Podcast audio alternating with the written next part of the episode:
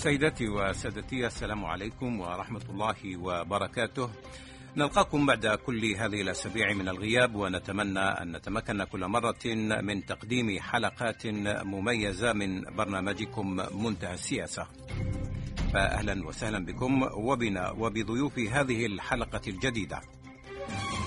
هذه الحلقة الجديدة نقف فيها عند الرئيس الأمريكي الجديد جو بايدن وما الذي سيقدمه خلال مئة يوم الأولى من حكمه كما جرت التقاليد الرمزية في الولايات المتحدة منذ ما يقرب من قرن. لذلك فإننا في هذه الحلقة سنتحدث عن أهم القرارات والخطوات التي سيجسدها الرئيس بايدن لا سيما وأن مئة يوم الأولى مهمة في خلق الانطباع حول ما يريده ويسعى إليه الرئيس الديمقراطي. في حلقة هذا الأسبوع من منتهى السياسة إذا سنركز على الذي سيقدمه بايدن على الصعيد الداخلي في الولايات المتحدة وعلى الصعيد الخارجي في تعاطي واشنطن مع مختلف القضايا والملفات الدولية. لكن قبل البدء في مناقشة هذا الموضوع اسمحوا لي أن أقدم ضيوف هذه الحلقة اسمحوا لي أولا أن أحيي الأستاذ نور الدين بكيس الذي رافقنا طيلة خمس سنوات في هذا البرنامج ومنه انطلق إلى الفضاء الإعلامي فمثلما أضافت له الإذاعة الدولية أضاف لها هو أيضا. لذلك نتمنى له المزيد من التألق والتوفيق. وأرحب بضيوف هذه الحلقة الدكتور شريف إدريس أستاذ العلوم السياسية بالمدرسة الوطنية العليا للصحافة والدكتور حسام حمزة أستاذ العلوم السياسية بالمدرسة العليا للعلوم السياسية ومن كاليفورنيا بالولايات المتحدة الدكتور حمود صالحي أستاذ العلوم السياسية والعلاقات الدولية إذا مرحبا بكم مستمعينا الكرام إلى هذه الحلقة من منتهى السياسة من إذاعة الجزائر الدولية. أبدأ معك دكتور شريف إدريس يعني بشكل عام هذا التقليد الموجود في الولايات المتحدة بشأن يعني وضع الرئيس أي رئيس جديد أو أي إدارة جديدة في البيت الأبيض تحت محك المئة يوم الأولى. يعني مثل ما سماها بايدن هذه المرة التحدي والأمل. يعني أكيد أن هذه المرة ستكون مختلفة وأكثر أهمية بالنظر إلى ما ورثه بايدن عن دونالد ترامب. يعني ما هي الأهمية الرمزية إن صح التعبير لهذا لهذا التحدي أو لمئة يوم الأولى في الولايات المتحدة؟ شكرا لك بدوري أحيي الأستاذ نور الدين بكيس على كل ما قدمه لهذه الحصة و إثراءاته ونقاشاته وإضافاته. بالنسبة لسؤالك يعني صحيح أن هناك في التقليد السياسي الأمريكي أن كل رئيس عندما ينتخب ينتظر بمعنى أن هناك في المئة يوم الأولى عبارة عن اختبار يمتحن فيه عن نواياه وقدراته أو بالأحرى يعطي مؤشرات عن ما قدرته على إدارة شؤون بلد يعتبر أكبر أو أول قوة في العالم. بالنسبة لجو بايدن يأتي رئاسته تأتي في سياق يعني خاص نوعا ما على مستوى الداخل ومستوى الخارجي.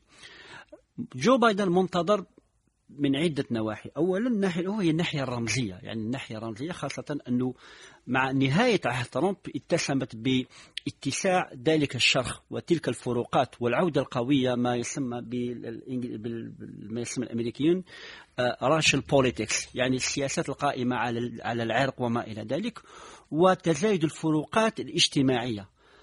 الفروقات الاجتماعية لأسباب اقتصادية لأسباب عرقية والقضايا الهوياتية من هذا المنطلق التحدي الأول بالنسبة لبايدن هو تحدي رمزي وما قال هو إعادة رص الصفوف. إعادة رص الصفوف وإعادة نوعا ما بناء ما هدمه هدمته إدارة ترامب من ناحية الرمزية من ناحية ما يسمى المرجعية التي تقوم عليها الثقافة السياسية الأمريكية وعمل مؤسسات. النقطة الثانية التي على بايدن في اعتقادي أنه والذي وعد بها وهو مطالب بأن أو منتظر فيها هي أنه تحدي داخلي لا سيما من الناحية الاقتصادية من الناحية الاجتماعية ومن الناحية الصحية خاصة مع ارتفاع عدد الوفيات وتزايد عدد المصابين بالجائحة وما إلى ذلك.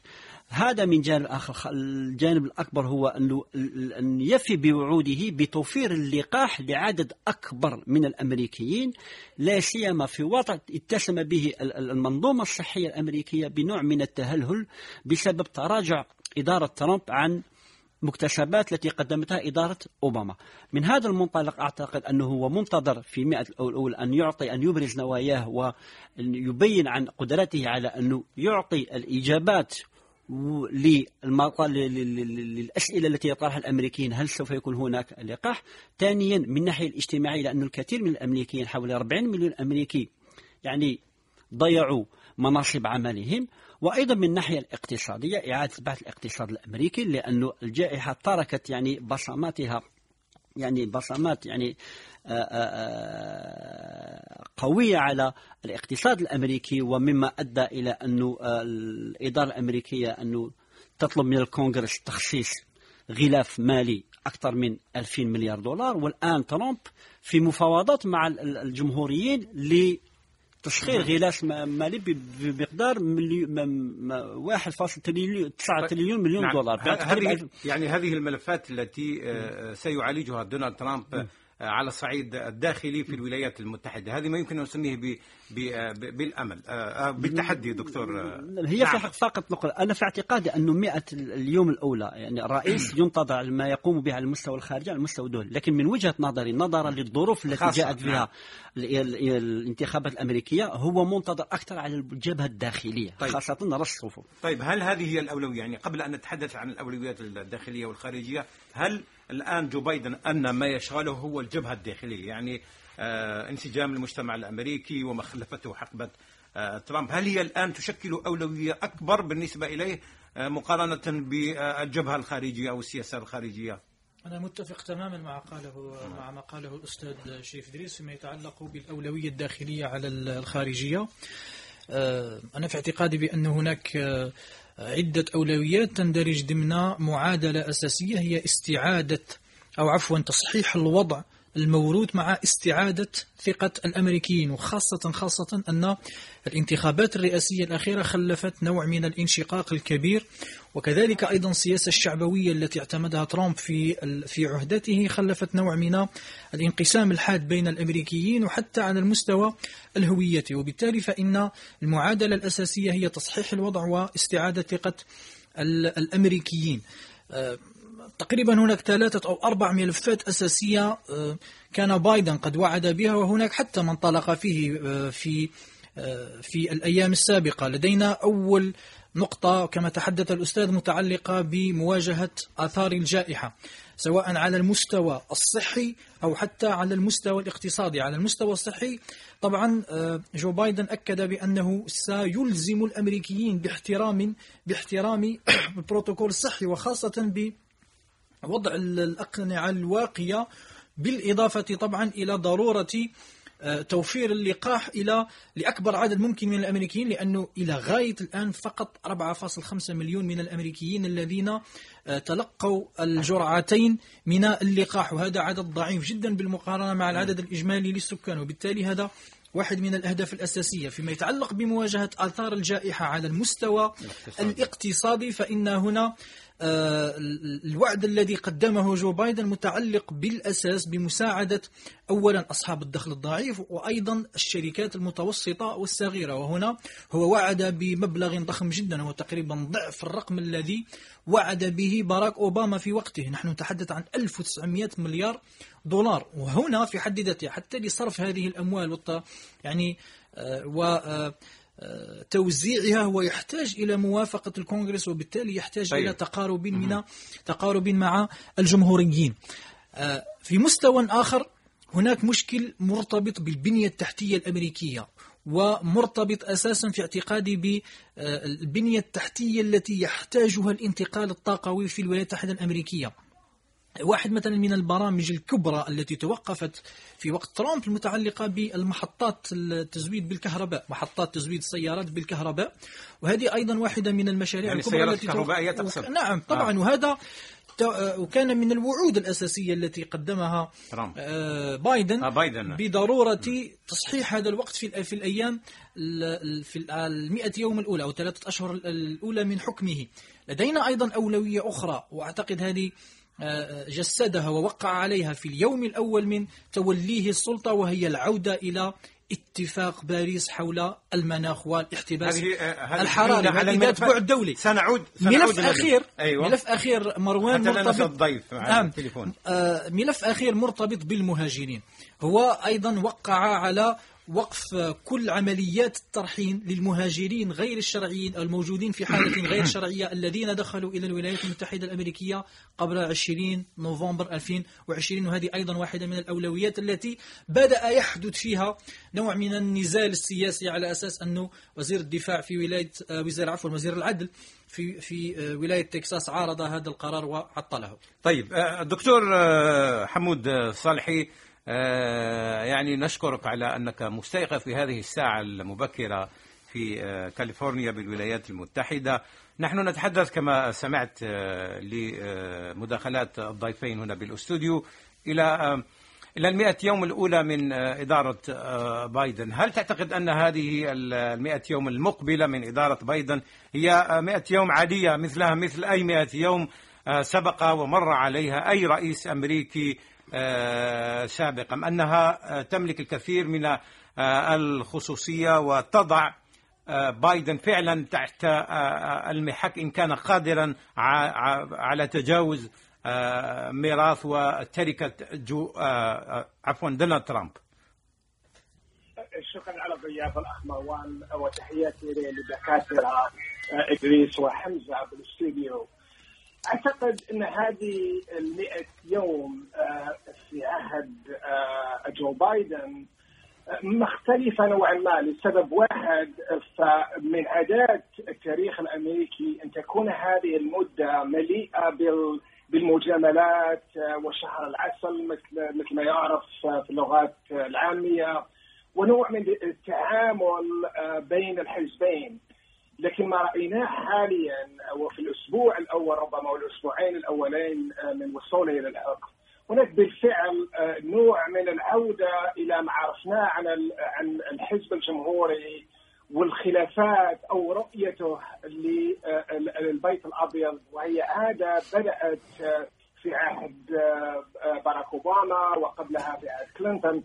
بمعنى أنه أنهم لا أن الحزب الجمهوري لم يعد يعطي تلك المهلة لمحاولة مساعدة الرئيس الجديد آه، في الحكم وبطريقه واستعمال المجاملات.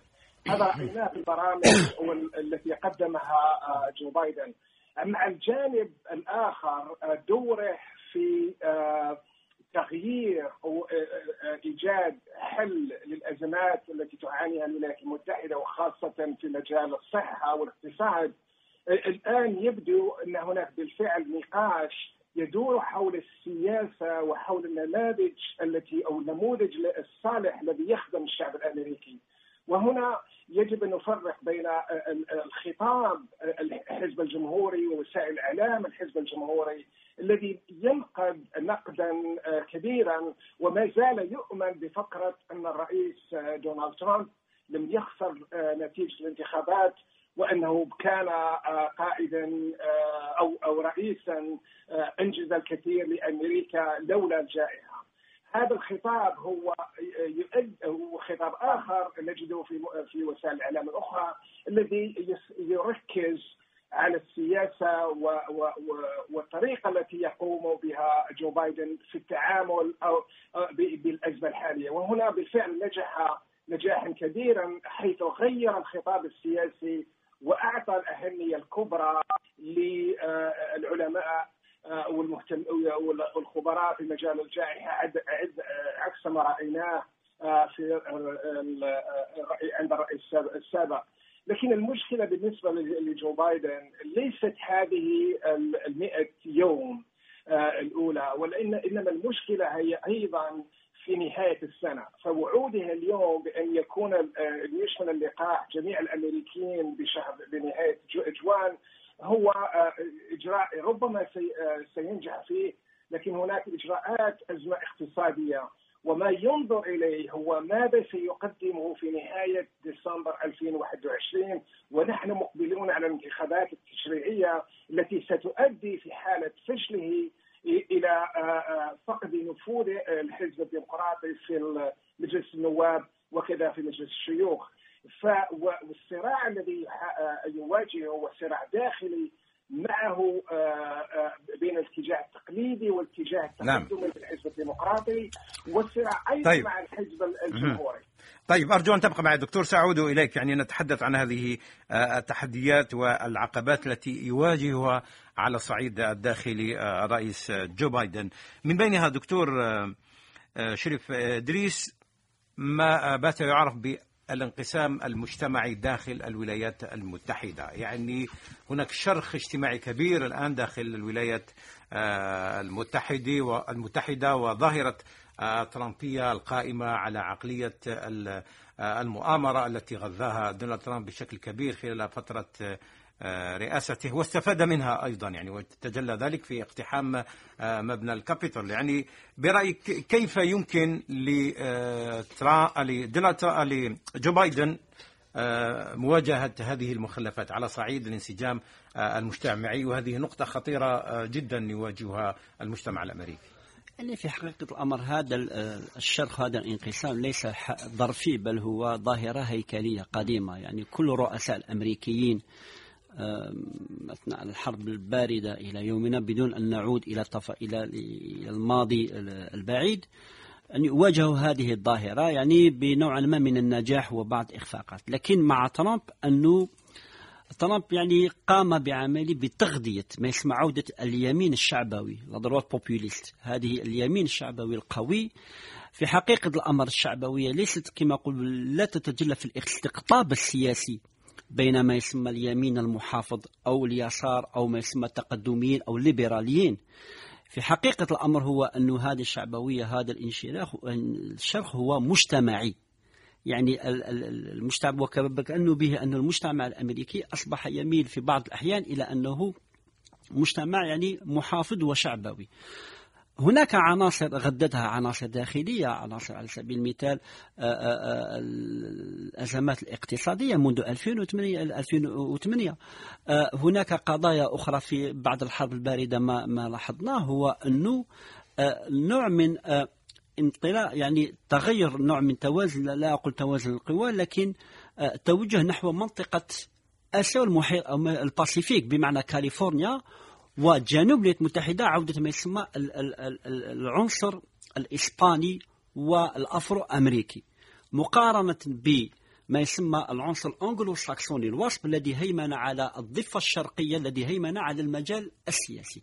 الآن ترامب أراد أن يغير المعادلة. لماذا؟ قال هو أن المنظومة السياسية الأمريكية تحكمها تقاليد بادية. بالية بالي معذرة بالية ولا تعكس حقيقة بنية المجتمع الأمريكي. وعلى هذا الأساس أنه الآن التحدي بالنسبة لجو بايدن بالإدارة الديمقراطية هو العودة إلى نوع من التوازن أو في في, في واقع الأمر. إذا ما فشل في أنه مدى استحال أنه يفرض نوع من التوازن والتجانس الكلي داخل المجتمع وهو أمر مستحيل. على الأقل تخفيف من حدة هذه الانشقاقات. لأنه ما يسمى اليمينية وما يسمى هيمنة البيض والجنس الآري وما إلى ذلك white supremacist هذا التقليد. والفروقات بين الإسبان الإسبانيين واللاتين اللاتين وما إلى ذلك. هي ظاهرة هيكلية في المجتمع الأمريكي لكنها استفحلت في عهد ترامب يعني واستثمر فيها استثمر فيها استثمر آه. فيها وبالتالي ازدادت استثمر آه. فيها ولعب على وتر طيب. المشاكل الاقتصادية لأنه ترامب ماذا قال هو لما قال في طيب. خطابه الأول عندما عين انتخب رئيس و آه، في حفل تنصيبه خطابه قال أمريكا أولا أنا ما يهمني هو متجر ذلك البائع الصغير في في منطقة آه، تكساس أو تلك الشركة الصغيرة صحيح. ولا يهمني ما يسمى العولمة لكن جاءت كورونا وأغلقت المحلات نعم. وأهلت الناس على البطلة في حقيقة طيب. الأمر كورونا من هذه فرق نقطة كورونا يعني وسعت أولا الفروقات في الدخل الفردي وهذه الفروقات في الدخل الفردي يعني غدت الفروقات والانشقاقات طيب. الهوياتية والمجتمعية هذه الانشقاقات الهوياتية والمجتمعية كما يقول دكتور شريف إدريس آه، دكتور حسام حمزة يعني الآن هذه مخلفات ترامب كيف سيواجه آه، بايدن هذه المعضلة؟ يعني مشكلة الآن مجتمعية انشقاقات عدم انسجام يعني حركات يمينية متطرفة في تصاعد يعني حالة حالة من من عدم انسجام مجتمعي. كيف يمكن لبايدن أن يرأب الصعد خلال 100 يوم؟ ثم هل يمكن فعلا أن أن يبدأ ذلك؟ وكيف؟ لا في 100 يوم هذا شيء مبالغ فيه كثيرا يعني خاصة فيما يتعلق بمثل هذه المعضلة. لا يجب أن نتخيل بأن حل هذه المعضلة هو شيء سهل وبأنه ممكن في فترة هناك خطوات أولى يمكن أن طبعاً. يبدأ بها. آه هذا المشكل يجب أن نقول أولا بأنه مشكل بنيوي يعني مرتبط ببنية, الاست... نعم. بالبنية المجتمعية الأمريكية في حد ذاتها.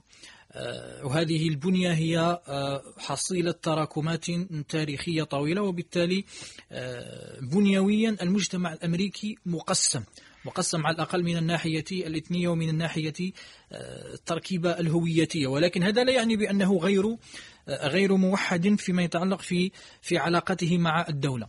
الآن في المئة يوم الأولى ما الذي يمكن فعله على مستوى على هذا المستوى؟ الشيء الذي ذهب إليه أو الذي ذهب إليه الرئيس الأمريكي أو حتى نائبته هي الدعوة هو اعتماد خطاب اعتماد خطاب يطمئن الجميع أو يطمئن جميع الأمريكيين بأننا هنا من أجل إعادة الوحدة بين الأمريكيين مهما كانت آه، خلافاتهم السياسية ومهما كانت تنوعاتهم العرقية لأن الخطاب الذي اعتمده ترامب في مرحلة سابقة كان يعتمد بالأساس على محاباة أنصاره وأيضا مغازلتهم مغازلة البيض مغازلة اليمينيين مغازلة المتطرفين دينيا في بعض الأحيان. في المقابل معاداة كل من يرفض هذا الخطاب أو كل من لا يقبل بهذا الخطاب. وهنا بدأ يحدث الشرخ لأننا شهدنا نوع من إحياء النزعة العرقية والنزعة آه، يعني نزعة التطرف لدى أنصار ترامب وحتى لدى الذين كانوا ضحايا لهذه السياسة. وبالتالي فإن التغيير الأول الذي سنشهده في هذه المرة والذي بدأت معالمه تتضح وترتسم هي التغير في الخطاب نوعية الخطاب المستخدم سواء من الرئيس جو بايدن أو حتى من من من نائبته هو خطاب يسعى إلى أول أول شيء هو التخفيف التخفيف من حدة الاحتقان لأنه ورث وضعا آه، أصلا هو تولى الرئاسة مع وجود تيار كبير جدا من الأمريكيين يرفضه أو لا يقبل به أصلا كرئيس ويعتقد بأن ترامب كان الأحق بالرئاسة. وبالتالي كان الخطاب الأول موجه لهؤلاء موجه إلى آه، لكي يكسب على الأقل يبدأ في بناء الثقة معهم. موجه إلى الوعاء الانتخابي الذي كان يدعم دونالد ترامب أو يدعم الجمهوريين وهو وعاء انتخابي في الحقيقة محافظ بشدة وعاء انتخابي فيه الكثير من المتدينين الذين يعتقدون أو خيل لهم أو رسم لهم طبعا في خلال خطاب ترامب بأنه الديمقراطيين واليساريين بصفة عامة سيأتون من أجل آه، في إطار معاداة لمصالحهم أو آه، لتهديد مصالحهم. إذا هنا الخطاب أو الخطوة الأولى التي اعتمدها الرئيس الأمريكي هي التغيير على مستوى الخطاب. حتى بدأنا نشهد بعض اللقاءات قبل أيام أو قبل يومين كان هناك لقاء بين الرئيس الأمريكي وفد من الحزب الجمهوري في البيت الأبيض طبعا لمناقشة الأمور الميزانية المتعلقة بجائحة كورونا. إذا هناك نوع من بناء الثقة بين الطرفين من أجل تخفيف الوضع من أجل آه، على الأقل إيجاد مناخ آه، آه، مناخ من التصالح مناخ من التسامح بين الأمريكيين لمعالجة أو البدء في تنفيذ الاستراتيجية التي تحتاج في الحقيقة إلى استقرار اجتماعي كبير جدا.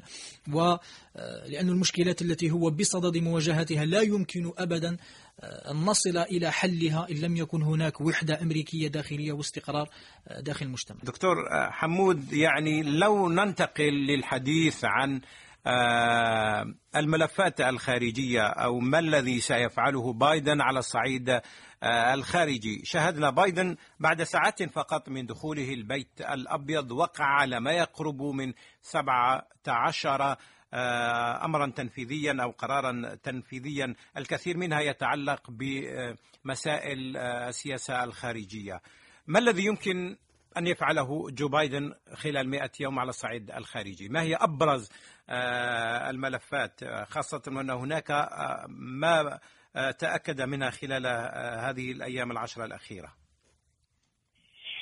كما ذكرت عدة مجلات مهتمة بالشؤون الخارجية. هناك اجتماع إن بداية الرئيس بايدن بداية ضعيفة في الشؤون الخارجية. وعندما ننظر إلى الملفات التي قام بالنظر إليها فإنها ملفات كانت مدروسة أو كانت من ملفات الرئيس دونالد ترامب. وهذا واضح جدا لأن الولايات المتحدة سياستها الخارجية تمتاز بالاستمرارية. الفرق ربما سيكون في طريقة معالجة هذه الملفات. ما رأيناه هذا الأسبوع مثال ربما يبرز يعطينا نوع من فهم سياسة بايدن.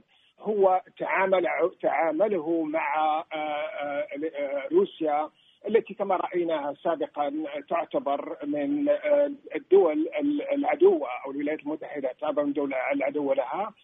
الاختلاف أنه ما قدمه في طريق المفاوضات والوصول إلى إلى إلى البداية الجديدة الاتفاق الذي كان ناقشه الرئيس دونالد ترامب وكان وضع الشروط عليه أن ترامب أن بايدن استعمل أسلوب استقصاه من الحرب الباردة السابقة والذي نجح في والتي كانت ساعد الدولتين في خلق نوع من الردع ما بينهما فمثلا في الوقت الذي قام بالمسابقة والتفاوض مع روسيا في شأن الملف النووي هذا قام أيضا بهجوم على ما يحصل من من اضطرابات في روسيا.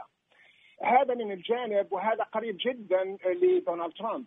الان فيما يخص الصين هناك في الفريق الموجود مع مع بايدن لهم علاقات ومواقف معروفة سابقا مع الصين فمثلا وزير سفيرة الولايات المتحدة ل سفيرة الولايات سفيرة الولايات الولايات المتحدة للأمم المتحدة ليندا توماس جرينفيلد لها عدة تصريحات حين تقول حين قالت واخرها في 2019 بأنه لا مانع أن نتعامل مع الصين وأن نستفيد من كلنا من المنافع الاقتصادية وهي تخص في ذلك الوقت القارة الأفريقية.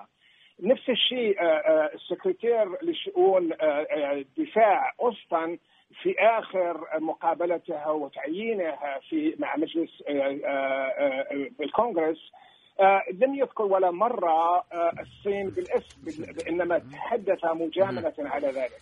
المهم طيب. هنا أن, أن هناك نوع من ليس هناك اختلاف كثير.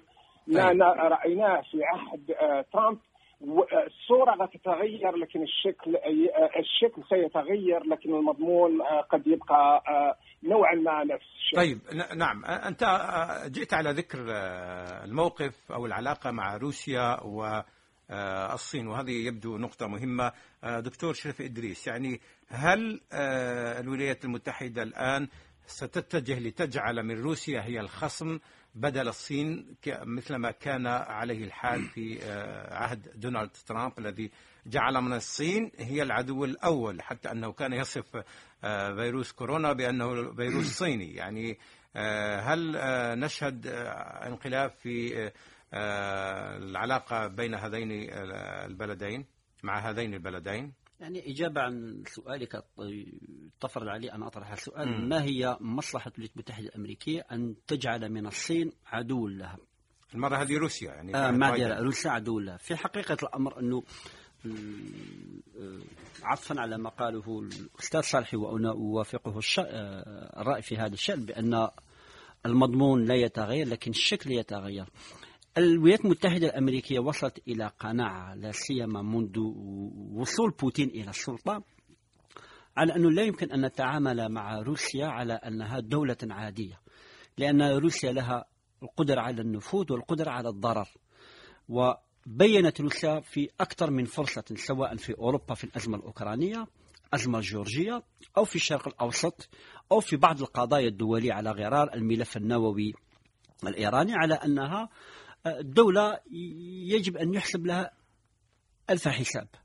ومن هذا المنطلق يعني آه، على كل علينا أن نتريث نوعا ما حتى تكون لنا الصورة واضحة عن صحيح. ما هي النوايا. لكن التساؤل الذي يطرح في اعتقادي أنه آه، آه، الفريق الذي يعمل الآن مع بايدن. مع بايدن تقريبا هو نفس الفريق الذي ما عمل مع كلينتون. ننسى أن أنتوني بلينكن في حد ذاته كان عمل مع كلينتون في المجلس الأمن القومي الأمريكي كمسؤول الشؤون الأوروبية وله دراية واسعة من من حيث إدارة الشؤون الدولية وكان مستشار ترامب لما كان مع بايدن لما كان بايدن رئيس لجنة الشؤون الخارجية. بالإضافة إلى بعض المستشارين المتعاونين في اعتقادي أنه الآن من وجهة نظري والاحتمال الذي أرجحه هو أنه الولايات المتحدة الأمريكية سوف تتعامل نوعا ما بحذر مع روسيا. سوف تسعى إلى أن تتفادى المواجهة المباشرة وأن تجعل من روسيا الخصم لأن مدرك الآن الإشكال الذي يطرح بالنسبة للولايات المتحدة الأمريكية هو أن إعادة صورة تلميع صورة الولايات المتحدة الأمريكية على المستوى الدولي على أنها دولة لها الريادة العالمية. وهذه الريادة تتطلب ماذا؟ العودة إلى نوع من التعامل في إطار متعدد الأطراف.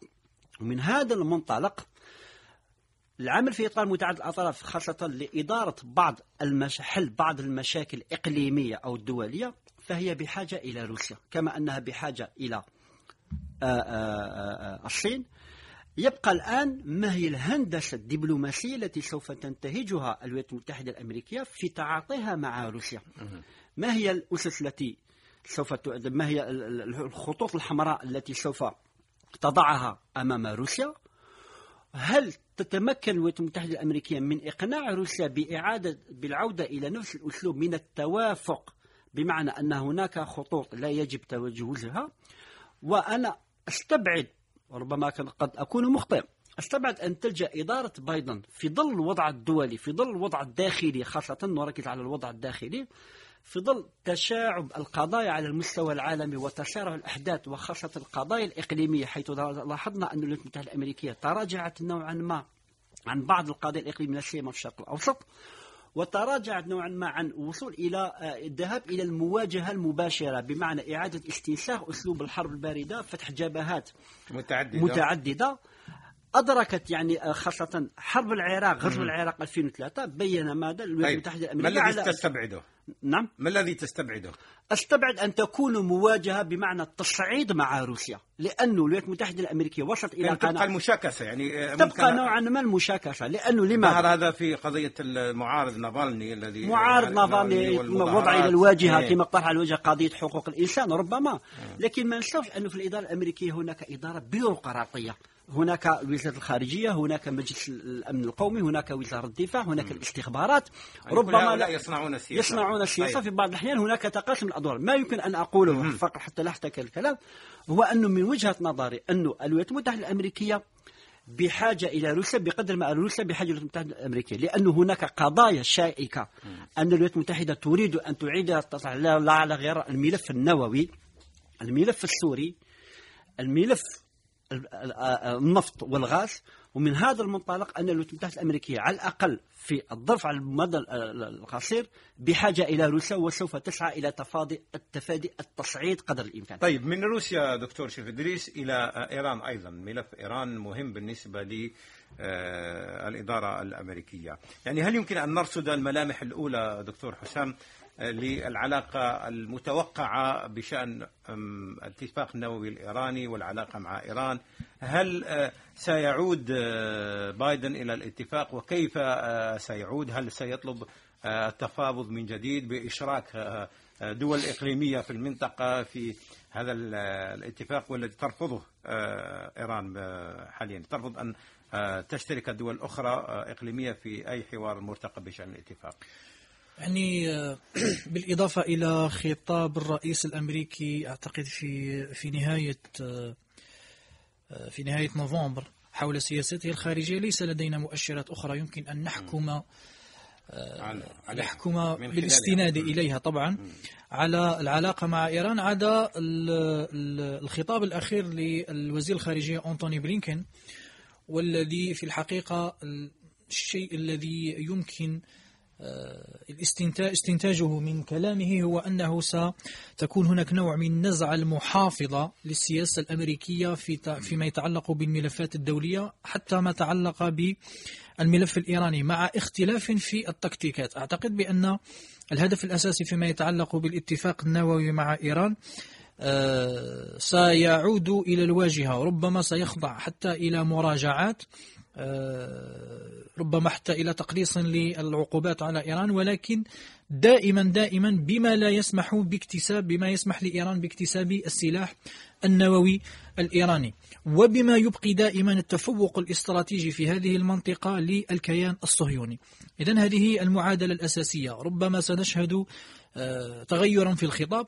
وتغيرا في تكتيكات التعامل تغيرا في الأسلوب آه، آه، لمواجهة أسلوب مواجهة هذه الملفات الثقيلة. ولكن دائما الهدف هو أن تبقى أو يبقى الكيان الصهيوني هو شرطي المنطقة وتبقى كل الدول آه، أسفله أو خلفه في ميزان القوة يعني الاستراتيجية. طبعا وهذا هذا أيضا يجب أن نربطه بأن ما قاله أنتوني بلينكن فيما يتعلق بالملف بالكيان الصهيوني هو أنه لا يعارض قرار آه، ترامب بنقل آه، كنت سأسأل هذا السؤال يعني لو نؤجل الحديث عن عن هذا الموضوع يعني إيران والملف النووي الإيراني وأيضا إشراك دول المنطقة يعني آه، أكيد السعودية والإمارات وغيرها في إعادة صياغة اتفاق جديد يعني كأنه جو بايدن لا يعارض العودة إلى الاتفاق لكن ربما على أسس تفاوضية شيئين جديدة. أساسيين. حتى ربما آه، ألخص. شيئين أساسيين سيكونان أو سيكونان محل تفاوض أو محل هندسة دبلوماسية جديدة بين الولايات المتحدة الأمريكية وإيران. النقطة الأولى هو تخفيف من حجم الضرر الاقتصادي الذي تعاني منه إيران والذي يدفعها دائما إلى سلوكات عدوانية عدوانية بالنظر بالمنظور الأمريكي طبعا في المدركات الأمريكية. والنقطة الثانية أو العنصر الثاني من المعادلة لا يؤدي هذا هذا الانفتاح أو هذا التخفيف للعقوبات مع إيران إلى تهديدها للأمن الإقليمي وحتى الأمن العالمي طبعا بالمنظور الأمريكي, الأمريكي. وبالتالي يجب دائما أن تبقى في في مستوى معين من السلم الاستراتيجي في المنطقة ولكن بتخفيف حجم العداء معها بما لا يضر آه، بمصلحة الولايات المتحدة الأمريكية. ونحرف نحن نعرف طبعا آه، يعني جيوسياسيا المنطقة التي توجد فيها إيران هي منطقة كبيرة لمصدر من مصادر الطاقة في العالم ومر وممر كبير جدا أيضا ل ربما أيضا لتحكم إيران بملفات في المنطقة يعني هذا بالإضافة طبعا طبعا نعم. بالإضافة إلى تواجدها في الكثير من وتأثيرها الكبير جدا في الكثير من الملفات على رأسها طبعا في العراق آه. وفي اليمن في اليمن والسوريا والسوريا يعني. نعم فقط في عجالة أضيف فقط عطفا على ما قال الأستاذ حسام حمزة صحيح أنه هناك مبدأ يعني ثابت هو هو بقاء التفوق الاستراتيجي لإسرائيل لكن ما نلاحظه هو أنه الآن الإدارة الأمريكية علقت بيع طائرات الأف 35 التي تعتبر من الإمارات للسعوديه للسعودية أيضا. البعض يقول ما, ما معنى هذا في عجالة؟ قد يكون ربما رسالة موجهة لإيران يعني الآن لإيران تقول حسن النيه نحن الآن رسالة إيه، مستوى اولا حفاظ على إسرائيل إيه. التوافق الاسرائيلي وقد تكون رسالة موجهة لإيران. لدينا نية بمعنى سوف نحن نتخلى عن سياستنا العدائية تجاه تجاهكم. نمد يدنا إليك. الآن ما عليك إلا أنت أن تعيد النظر في بعض توجهاتك الإقليمية وتعودين إلى الأحضان الملف النووي بالشروط الذي نريدها نحن وليس شروط إعادة التفاوض من جديد. نعم إعادة التفاوض من جديد. تعطيل إلى حد طيب. الآن ليس إلغاء لكن إعادة النظر إعادة النظر من اللغة الدبلوماسية هي رسالة موجهة لعدة أطراف بما فيها السعودية والإمارات بما أننا سياستكم العدائية نحو إيران. لا تخدمنا وأنت إيران. الآن أبلنا عن أظهرنا حسن نية بأننا سوف لا نوقع على هذه لن نرفض هذه الاتفاقية وباعتبار أن نقدم لكم ضمانات ونطمئنكم أنتم الإيرانيين لكن طيب. يبقى الآن عليكم أنتم أن تقبلوا بالعودة وتقبلوا الشروط طيب هذه آه، تقريبا أهم الملفات أو أكبر الملفات آه، دكتور حمود صالحي التي ربما قد تتباين فيها آه، مواقف بايدن عن مواقف إدارة ترامب الراحلة.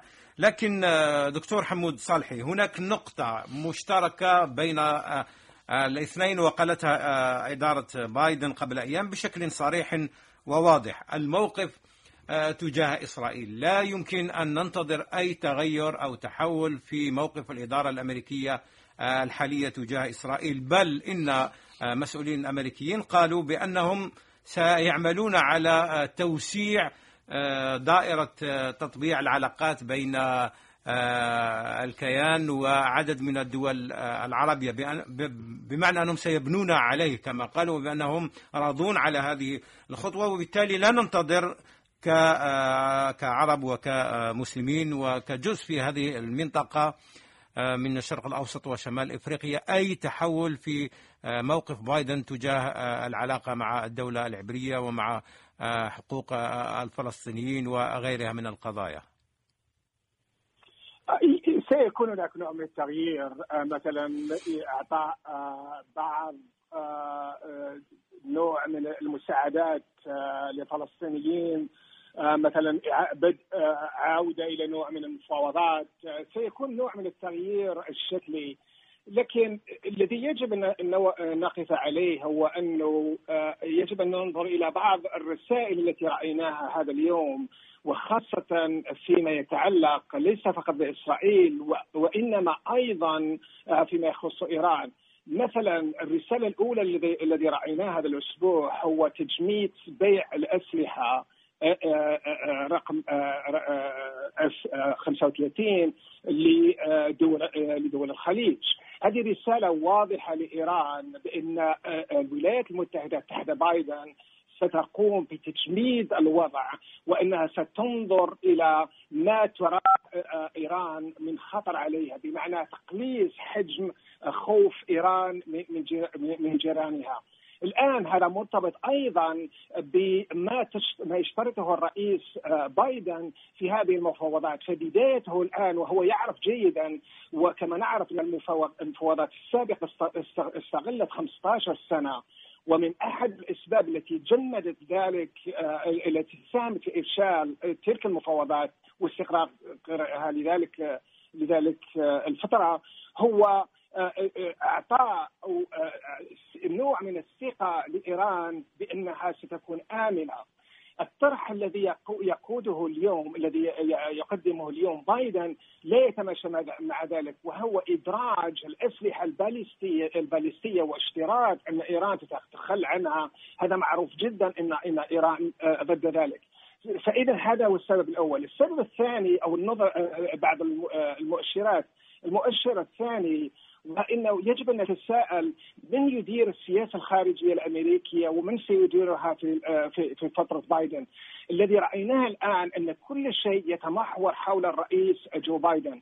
والرئيس جو بايدن معروف الآن أصبح ذلك الرئيس الذي كنا نقول نقول عن الرئيس دونالد ترامب إنه الرئيس النتائج بعكس أن رئيس النتائج في ترامب كان فيما يخص مصالحه الخاصة وإنما رئيس بايدن فيما يخص مصالح الولايات المتحدة التي الوسائل التي ستساعده في حل الأزمة الداخلية. بمعنى أن الرئيس بايدن سيكون الشخص الأخير في اتخاذ القرار السياسة الخارجية.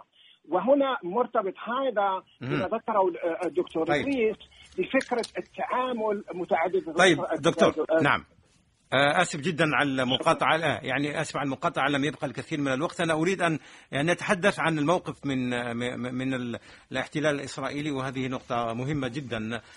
دكتور حسام حمزة يعني هل تعتقد أن إدارة بايدن فعلا ستبني على ما ورثته في هذه النقطة؟ يعني ترامب كسر الكثير من ما يشبه الثوابت التي كانت في السابق أو نقاط تحفظ بالنسبة للإدارات الأمريكية السابقة فيما يتعلق بالصراع مع الاحتلال الإسرائيلي وكثير من القضايا نقل السفارة إلى القدس وغيرها ثم عملية التطبيع، هل تعتقد أن بايدن سيستمر كما قال هو أو قال الكثير من اعوانه فسيستمر في توسيع دائرة التطبيع مع الدول العربي يعني سيجر دول عربية وإسلامية أخرى إلى حظيرة التطبيع مع الكيان الإسرائيلي. أنا لا أعتقد. أنا متيقن. أنا متيقن من ذلك. أن هذا قطار سيواصل. أكيد أكيد. أنه خاصة فيما يتعلق دائما بالعلاقة مع مع الكيان الصهيوني ويتعلق أيضا بالسياسة مع الشرق الأوسط الأهداف تبقى دائما واحدة هو دائما أن يبقى هناك تفوق استراتيجي كبير جدا للكيان الصهيوني على كل دول المنطقة هو أن يزيد من من حجم التطبيع ومستوى التطبيع مع كل الدول العربية ليس فقط في الشرق الأوسط ولكن حتى في دول حتى دول الإسلامية المغرب يعني العربي. في حوض المتوسط بصفة عامة لأن آه، المقاربة المعتمدة في هذا السياق وخاصة التي آه، تسوقها الإدارة الأمريكية وأعتقد أن هنا الديمقراطيين يتفقون مع الجمهوريين في هذا بأنه لا يمكن أن نحقق السلام إلا بالتطبيع. طبعا هذه هي العبارة ولكن في الأخير هو بمزيد بتنازلات أكبر آه، باعتراف بهذا الكيان على حساب طبعا كل حقوق الشعب الفلسطيني.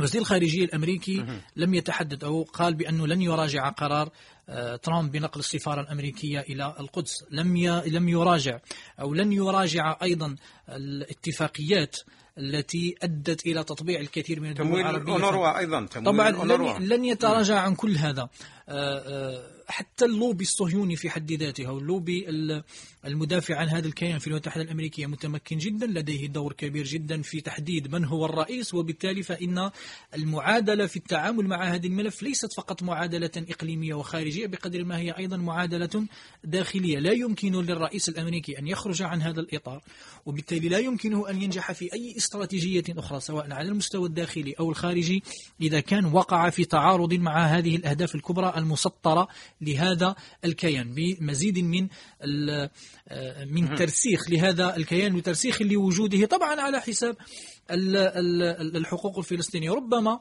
وهنا أعود أؤكد يعني حتى أختم بهذا يعني أختم بهذا بأن الشيء الذي ربما سيجمع بين كل هذه الملفات في تعامل الولايات المتحدة الأمريكية معها هو تغيير نبرة الخطاب بأقل مواجهة.